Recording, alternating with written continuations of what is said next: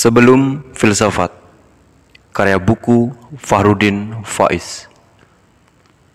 Bab 5 Menjadi bijaksana dengan filsafat.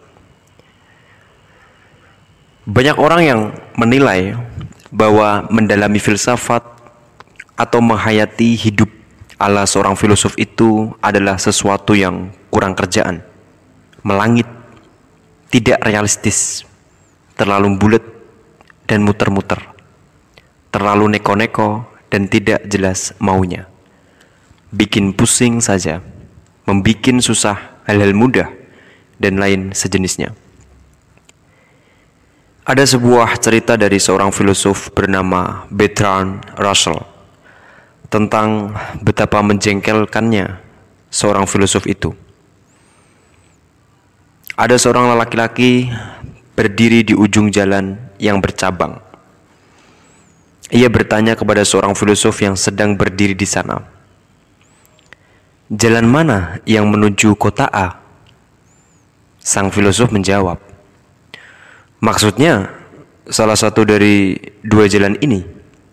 Iya, yang mana? Dan Anda ingin ke kota A? Tanya si filosof lagi. Iya, Iya, yang mana? Berarti Anda ingin mengikuti salah satu dari dua jalan ini untuk menuju kota A? Karena mulai tidak sabar. Lelaki itu berkata, Iya, yang mana? Yang menuju kota A? Mengapa Anda yakin kalau salah satu dari dua jalan ini menuju kota A? Tanya filosof itu lagi. Lelaki itu pun kehilangan kesabarannya dan berkata dengan nada agak tinggi, "Anda tahu atau tidak?" Tidak. Harus diakui bahwa memang beberapa kesan miring kepada filsafat, bukannya tanpa alasan. Beberapa fakta dan fenomena yang muncul dalam ranah filsafat memang bisa mengundang komentar-komentar tersebut. Namun perlu dicatat bahwa seandainya pun ada kesan filsafat itu ruwet atau tidak karuan dalam filsafat, hal itu biasanya berawal dari misi dan tujuan filsafat untuk menggali dan memahami sesuatu secara komprehensif dan mendalam. Di sisi lain, sebagian besar manusia lebih suka berpola pikir praktis dan sederhana. Tidak mengherankan jika kemudian apa yang dilakukan oleh filsafat itu dipandang sebagai cari-cari masalah belaka. Persepsi yang miring tersebut apabila dicermati bisa berarti dua hal. Pertama, persepsi tersebut bisa jadi merupakan sebentuk kegagalan para filosof dalam menjalankan visi dan misi kefilsafatan karena sebagaimana dipaparkan di muka, filsafat pada awalnya bertujuan untuk menjernihkan dan meluruskan berbagai dimensi kehidupan manusia yang berjalan secara tidak seharusnya. Kedua, berkembangnya sikap apatis dan apologis bahwa filsafat itu ruwet dan sia-sia saja. Dan hal ini membuat banyak orang enggan dan merasa alergi dengan filsafat tanpa tahu secara pasti apa dan bagaimana filsafat. Apabila dilacak dari akar katanya, filosofia, filsafat sering didefinisikan secara ringkas sebagai cinta kebijaksanaan. Ini penting untuk dicatat, khususnya bagi mereka yang salah persepsi sejak awal. Jadi filsafat pada awalnya adalah sebentuk rasa cinta. Cinta kepada kebijaksanaan, bukan kepada rasio, bukan kepada kerumitan berpikir atau kepada segala alur logika yang jelimet. Meskipun hal tersebut sesekali juga terlibat, tetapi tetap dalam kerangka aslinya, kerangka kebijaksanaan. Apakah kebijaksanaan itu? Mungkin kita agak sulit untuk memahami secara tepat maknanya. Karena ternyata kata ini sering dimanipulasi untuk meredam protes atau sebagai strategi untuk lepas dari tanggung jawab. Pemerintah sering memakai kata ini misalnya ketika ingin menaikkan harga BBM atau menyuruh orang membayar pajak. Lihatlah misalnya headline sebuah surat kabar yang bertuliskan Pemerintah mengeluarkan kebijakan baru menaikkan harga BBM atau sepanduk besar di tepi jalan orang bijak taat pajak. Dan yang semacamnya. Contoh lain misalnya ketika seorang mahasiswa yang mendapat nilai rendah dari dosennya atau pengangguran yang melamar pekerjaan dan ditolak, kemudian merengek, mohon kebijaksanaannya Pak. Kebijaksanaan atau biasa juga disebut wisdom, memang berkonotasi sangat positif dalam keseharian kita. Meskipun jelas tidak banyak orang yang berusaha secara intensif untuk melacak apa yang dimaksud dengan kebijaksanaan itu. Kata ini dalam kesehariannya lebih sering diartikan sebagai kebaikan praktis, kemurahan hati, atau tindakan yang mempertimbangkan kepentingan dan keinginan orang lain. Pemaknaan seperti itu tentunya tidak salah meskipun harus diakui masih terasa reduktif.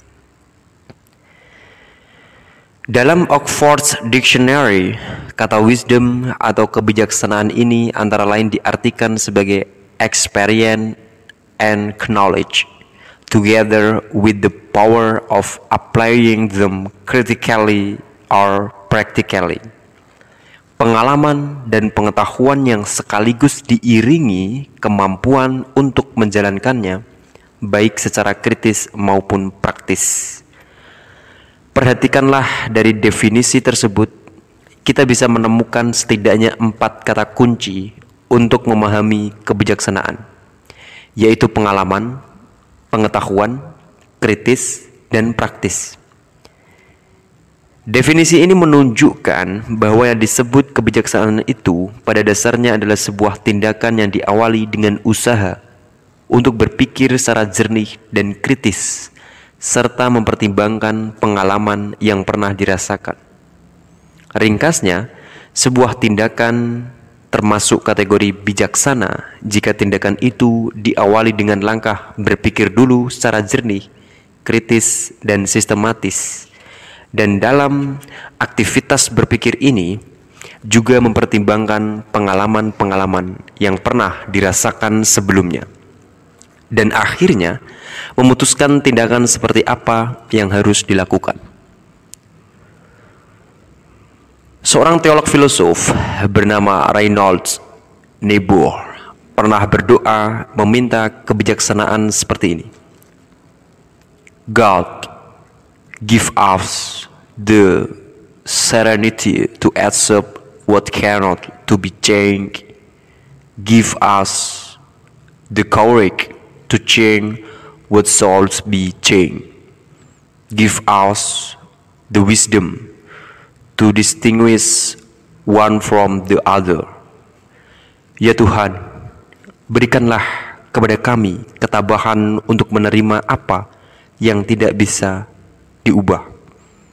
Berikanlah kepada kami keberanian untuk mengubah apa yang harus diubah. Berikanlah kepada kami kebijaksanaan untuk membedakan salah satu dari keduanya. Menarik sekali apabila kita mencermati ungkapan doa dari Nebuh ini. Dalam doa ini, Nebuh seakan mengingatkan bahwa hidup ini pada dasarnya berisi dua hal, yaitu pertama, segala yang tidak bisa diubah, seperti takdir, kepastian Tuhan, seperti mengapa aku lahir di Mojokerto, mengapa bapakku A, ibuku B, mengapa aku tidak secantik artis A, tidak segagah bintang film B, dan lain sebagainya. Semua itu adalah hal-hal yang tidak bisa diubah. Dan untuk menghadapi semua itu, kita hanya bisa memohon ketabahan dan kekuatan untuk menerima. Di sisi lain, ada pula dimensi kedua, yaitu segala yang harusnya kita ubah karena berada dalam jangkauan kita. Misalnya, mengapa aku sering bohong? Mengapa aku ini malas bekerja? Mengapa aku kalau bicara kasar? Dan lain sejenisnya. Hal-hal seperti ini sebenarnya berada dalam jangkauan kita untuk mengubahnya. Maka menghadapi hal ini, kita meminta kepada Tuhan kemauan, keberanian, dan kekuatan untuk mengubahnya. Nah, pasti kemudian muncul pertanyaan, Bagaimana cara membedakan antara mana yang harus diubah dan mana yang harus diterima begitu saja? Adakah kriteria-kriteria tertentu? Problem inilah kiranya yang paling berat. Karena ternyata tidak sangat banyak orang yang tahu mana dalam hidupnya yang harus diubah dan mana yang harusnya diterima begitu saja. Kesalahan deteksi ini sering kali berakibat fatal. Karena jika yang harusnya diterima begitu saja lalu diupayakan untuk diubah. Atau sebaliknya yang harusnya diubah tetapi dibiarkan saja maka pasti akan memunculkan kekacauan, kekecewaan dan bahkan keputusasaan. Untuk inilah maka setiap orang memerlukan kebijaksanaan satu kata yang harus Anda cintai sebagai syarat minimal untuk menjadi penghuni dunia filsafat. Hidup secara bijaksana sebenarnya hidup dalam kondisi dan posisi yang pas. Pas di sini dapat diartikan sebagai upaya gaya hidup yang tidak kurang dan tidak lebih. Pas di sini juga berarti bagaimana kita hidup tanpa melampaui batas-batas kewajaran sekaligus bisa memaksimalkan segala potensi yang kita miliki. Gampangnya, hidup secara bijaksana dalam arti pas. Ini adalah bagaimana cara menjadi manusia yang sebenarnya. Dalam banyak pemikiran besar dan termasuk juga dalam ajaran banyak agama, cara hidup yang pas ini sering disimbolkan sebagai posisi tengah sebaik-baik urusan adalah tengah-tengahnya. Posisi tengah ini maksudnya adalah posisi yang seimbang, proporsional, adil, tidak berlebihan. Di sisi lain, menjadi bijaksana juga berarti menjadi tahu dan paham porsi dan posisinya dalam kehidupan. Siapa saya? Mengapa saya ada? Apa tujuan saya? mengapa saya ada di sini? Apa yang harus saya lakukan di sini? Dan lain sebagainya. Pikirkanlah pertanyaan-pertanyaan ini. Cari jawabannya dan apabila kita telah menemukan jawaban yang tepat, maka kita harus bertindak dan berperilaku berdasarkan yang kita temukan itu secara tepat tanpa berlebihan. Apabila kita jeli, sebenarnya pertanyaan-pertanyaan tersebut adalah pertanyaan-pertanyaan awal di dunia filsafat sebagaimana disebut di muka. Setiap orang adalah individu tersendiri yang unik, memiliki karakter dan ciri khas sendiri-sendiri. Tetapi setiap orang juga tidak hidup sendiri. Ia pasti berhubungan dengan individu yang lain dalam masyarakatnya berhubungan dengan lingkungan semesta, tempat kehidupannya, dan tentunya juga berhubungan dengan misteri-misteri kehidupan yang tidak semua bisa dipahaminya, seperti agama, Tuhan, dan lain sebagainya. Dalam posisi seperti ini, tentunya setiap orang kemudian dituntut untuk mampu memposisikan dirinya secara proporsional tahu batas antara dirinya dan hal-hal lain di luar dirinya, dan bertindak serta berperilaku secara tepat dalam kerangka batas yang dimilikinya tersebut. Itulah kebijaksanaan. Kondisi semacam ini meniscayakan kemampuan manusia dalam dua hal. Pertama, kemampuan refleksi, bernalar dengan menggunakan segenap kemampuan intelijensinya untuk merumuskan posisi dan peran apa yang harus dimainkannya dalam kehidupan. Dalam rangka refleksi ini, seseorang dituntut tidak hanya mampu mendayagunakan akal pikirannya belaka, tetapi juga segenap daya intelijensi yang dimilikinya, seperti intuisi, naluri, hati nurani, dan termasuk juga pengalaman hidup yang pernah dialaminya. Kedua, kemampuan memutuskan dan selanjutnya menjalankan keputusan tersebut dalam tindakan nyata berdasarkan hasil refleksi yang dilakukan sebelumnya dan mempertimbangkan pula konteks tempat tindakan tersebut akan dilakukan. Ada satu hal lagi yang perlu dicermati dalam proses refleksi sebelum melakukan tindakan ini, yaitu mempertimbangkan konsekuensi, dampak, atau akibat dari tindakan yang akan diambil itu. Ketika seseorang melakukan refleksi demi satu aksi tertentu, maka dalam refleksi itu di samping harus melibatkan pengalaman masa lalu, juga harus dilibatkan prediksi-prediksi akan konsekuensi yang harus ditanggung jika tindakan tertentu kemudian diputuskan untuk dilakukan. Hal ini perlu dilakukan mengingat bahwa ketika satu tindakan sudah diambil, maka pertanggungjawaban harus dibuat. Apabila seseorang memutuskan satu tindakan tanpa mempertimbangkan konsekuensinya, maka ia akan susah untuk mempertanggungjawabkan apa yang dilakukannya seandainya terjadi sesuatu di luar perhitungannya. Di sinilah perlunya pertimbangan masa lalu seperti tersebut di atas. Di samping sebagai masukan alternatif tentang tindakan apa yang harus diambil atau tidak diambil, juga sebagai pelajaran tentang konsekuensi apa yang mungkin muncul dari satu tindakan tertentu. Kemampuan refleksi dan kemampuan aplikasi di atas apabila dirujukkan dengan situasi manusia yang senantiasa dinamis akan membawa kepada kesimpulan bahwa kegiatan refleksi, memutuskan dan melakukan tindakan nyata ini juga beraspek progresif. Dalam arti harus selalu dilakukan dalam waktu ke waktu. Kehidupan manusia senantiasa berkembang. Perubahan demi perubahan senantiasa terjadi. Sehingga apabila di satu titik saja kita berhenti sebentar, bisa dipastikan akan tertinggal oleh dinamika zaman.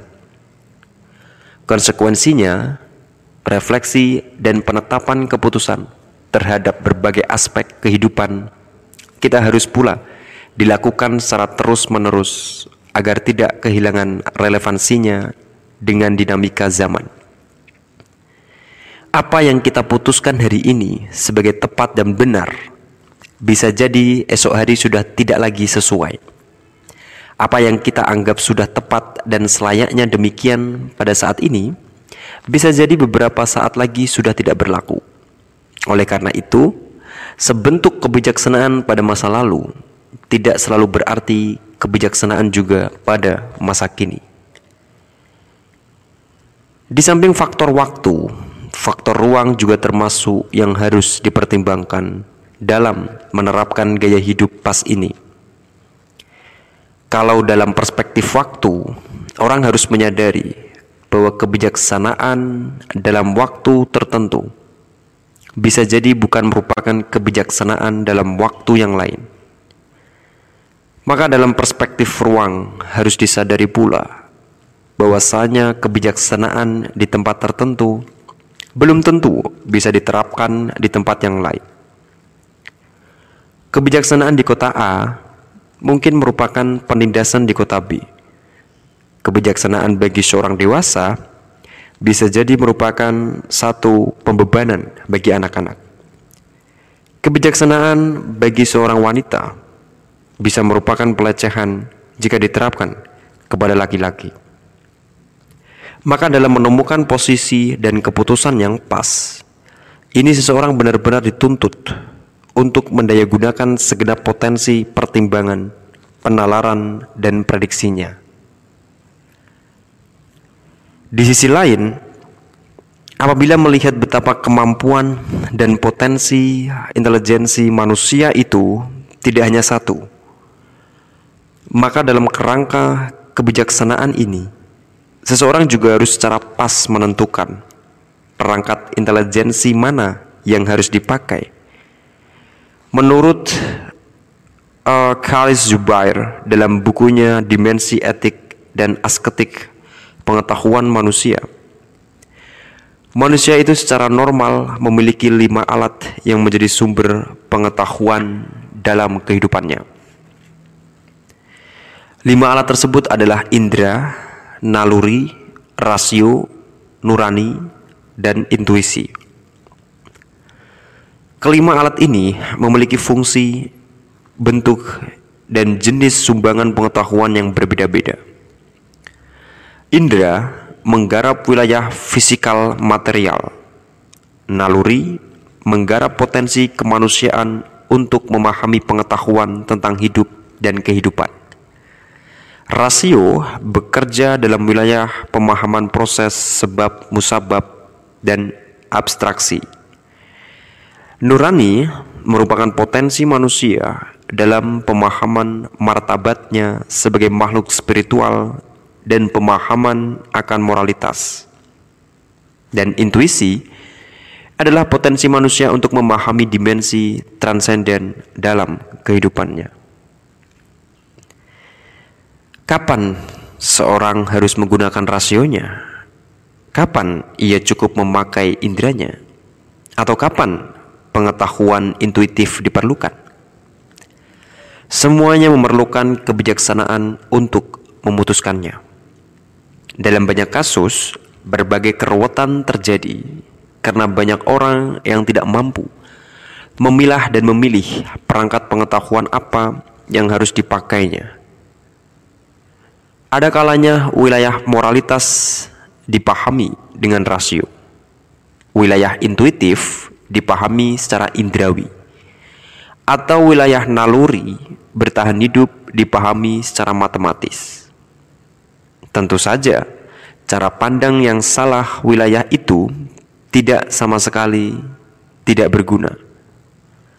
Karena pasti dengan cara pandang yang beragam akan muncul pula banyak pengetahuan dan horizon baru.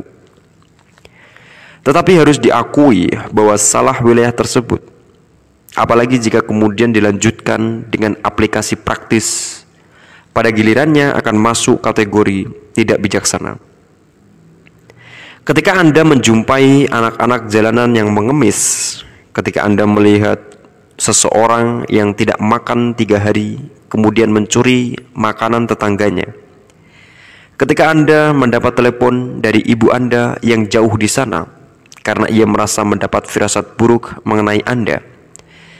Ketika ada teman Anda yang mengumpulkan uang untuk biaya operasi plastik agar wajahnya mirip bintang film dan lain sebagainya. Bagaimana reaksi Anda? Apa komentar Anda?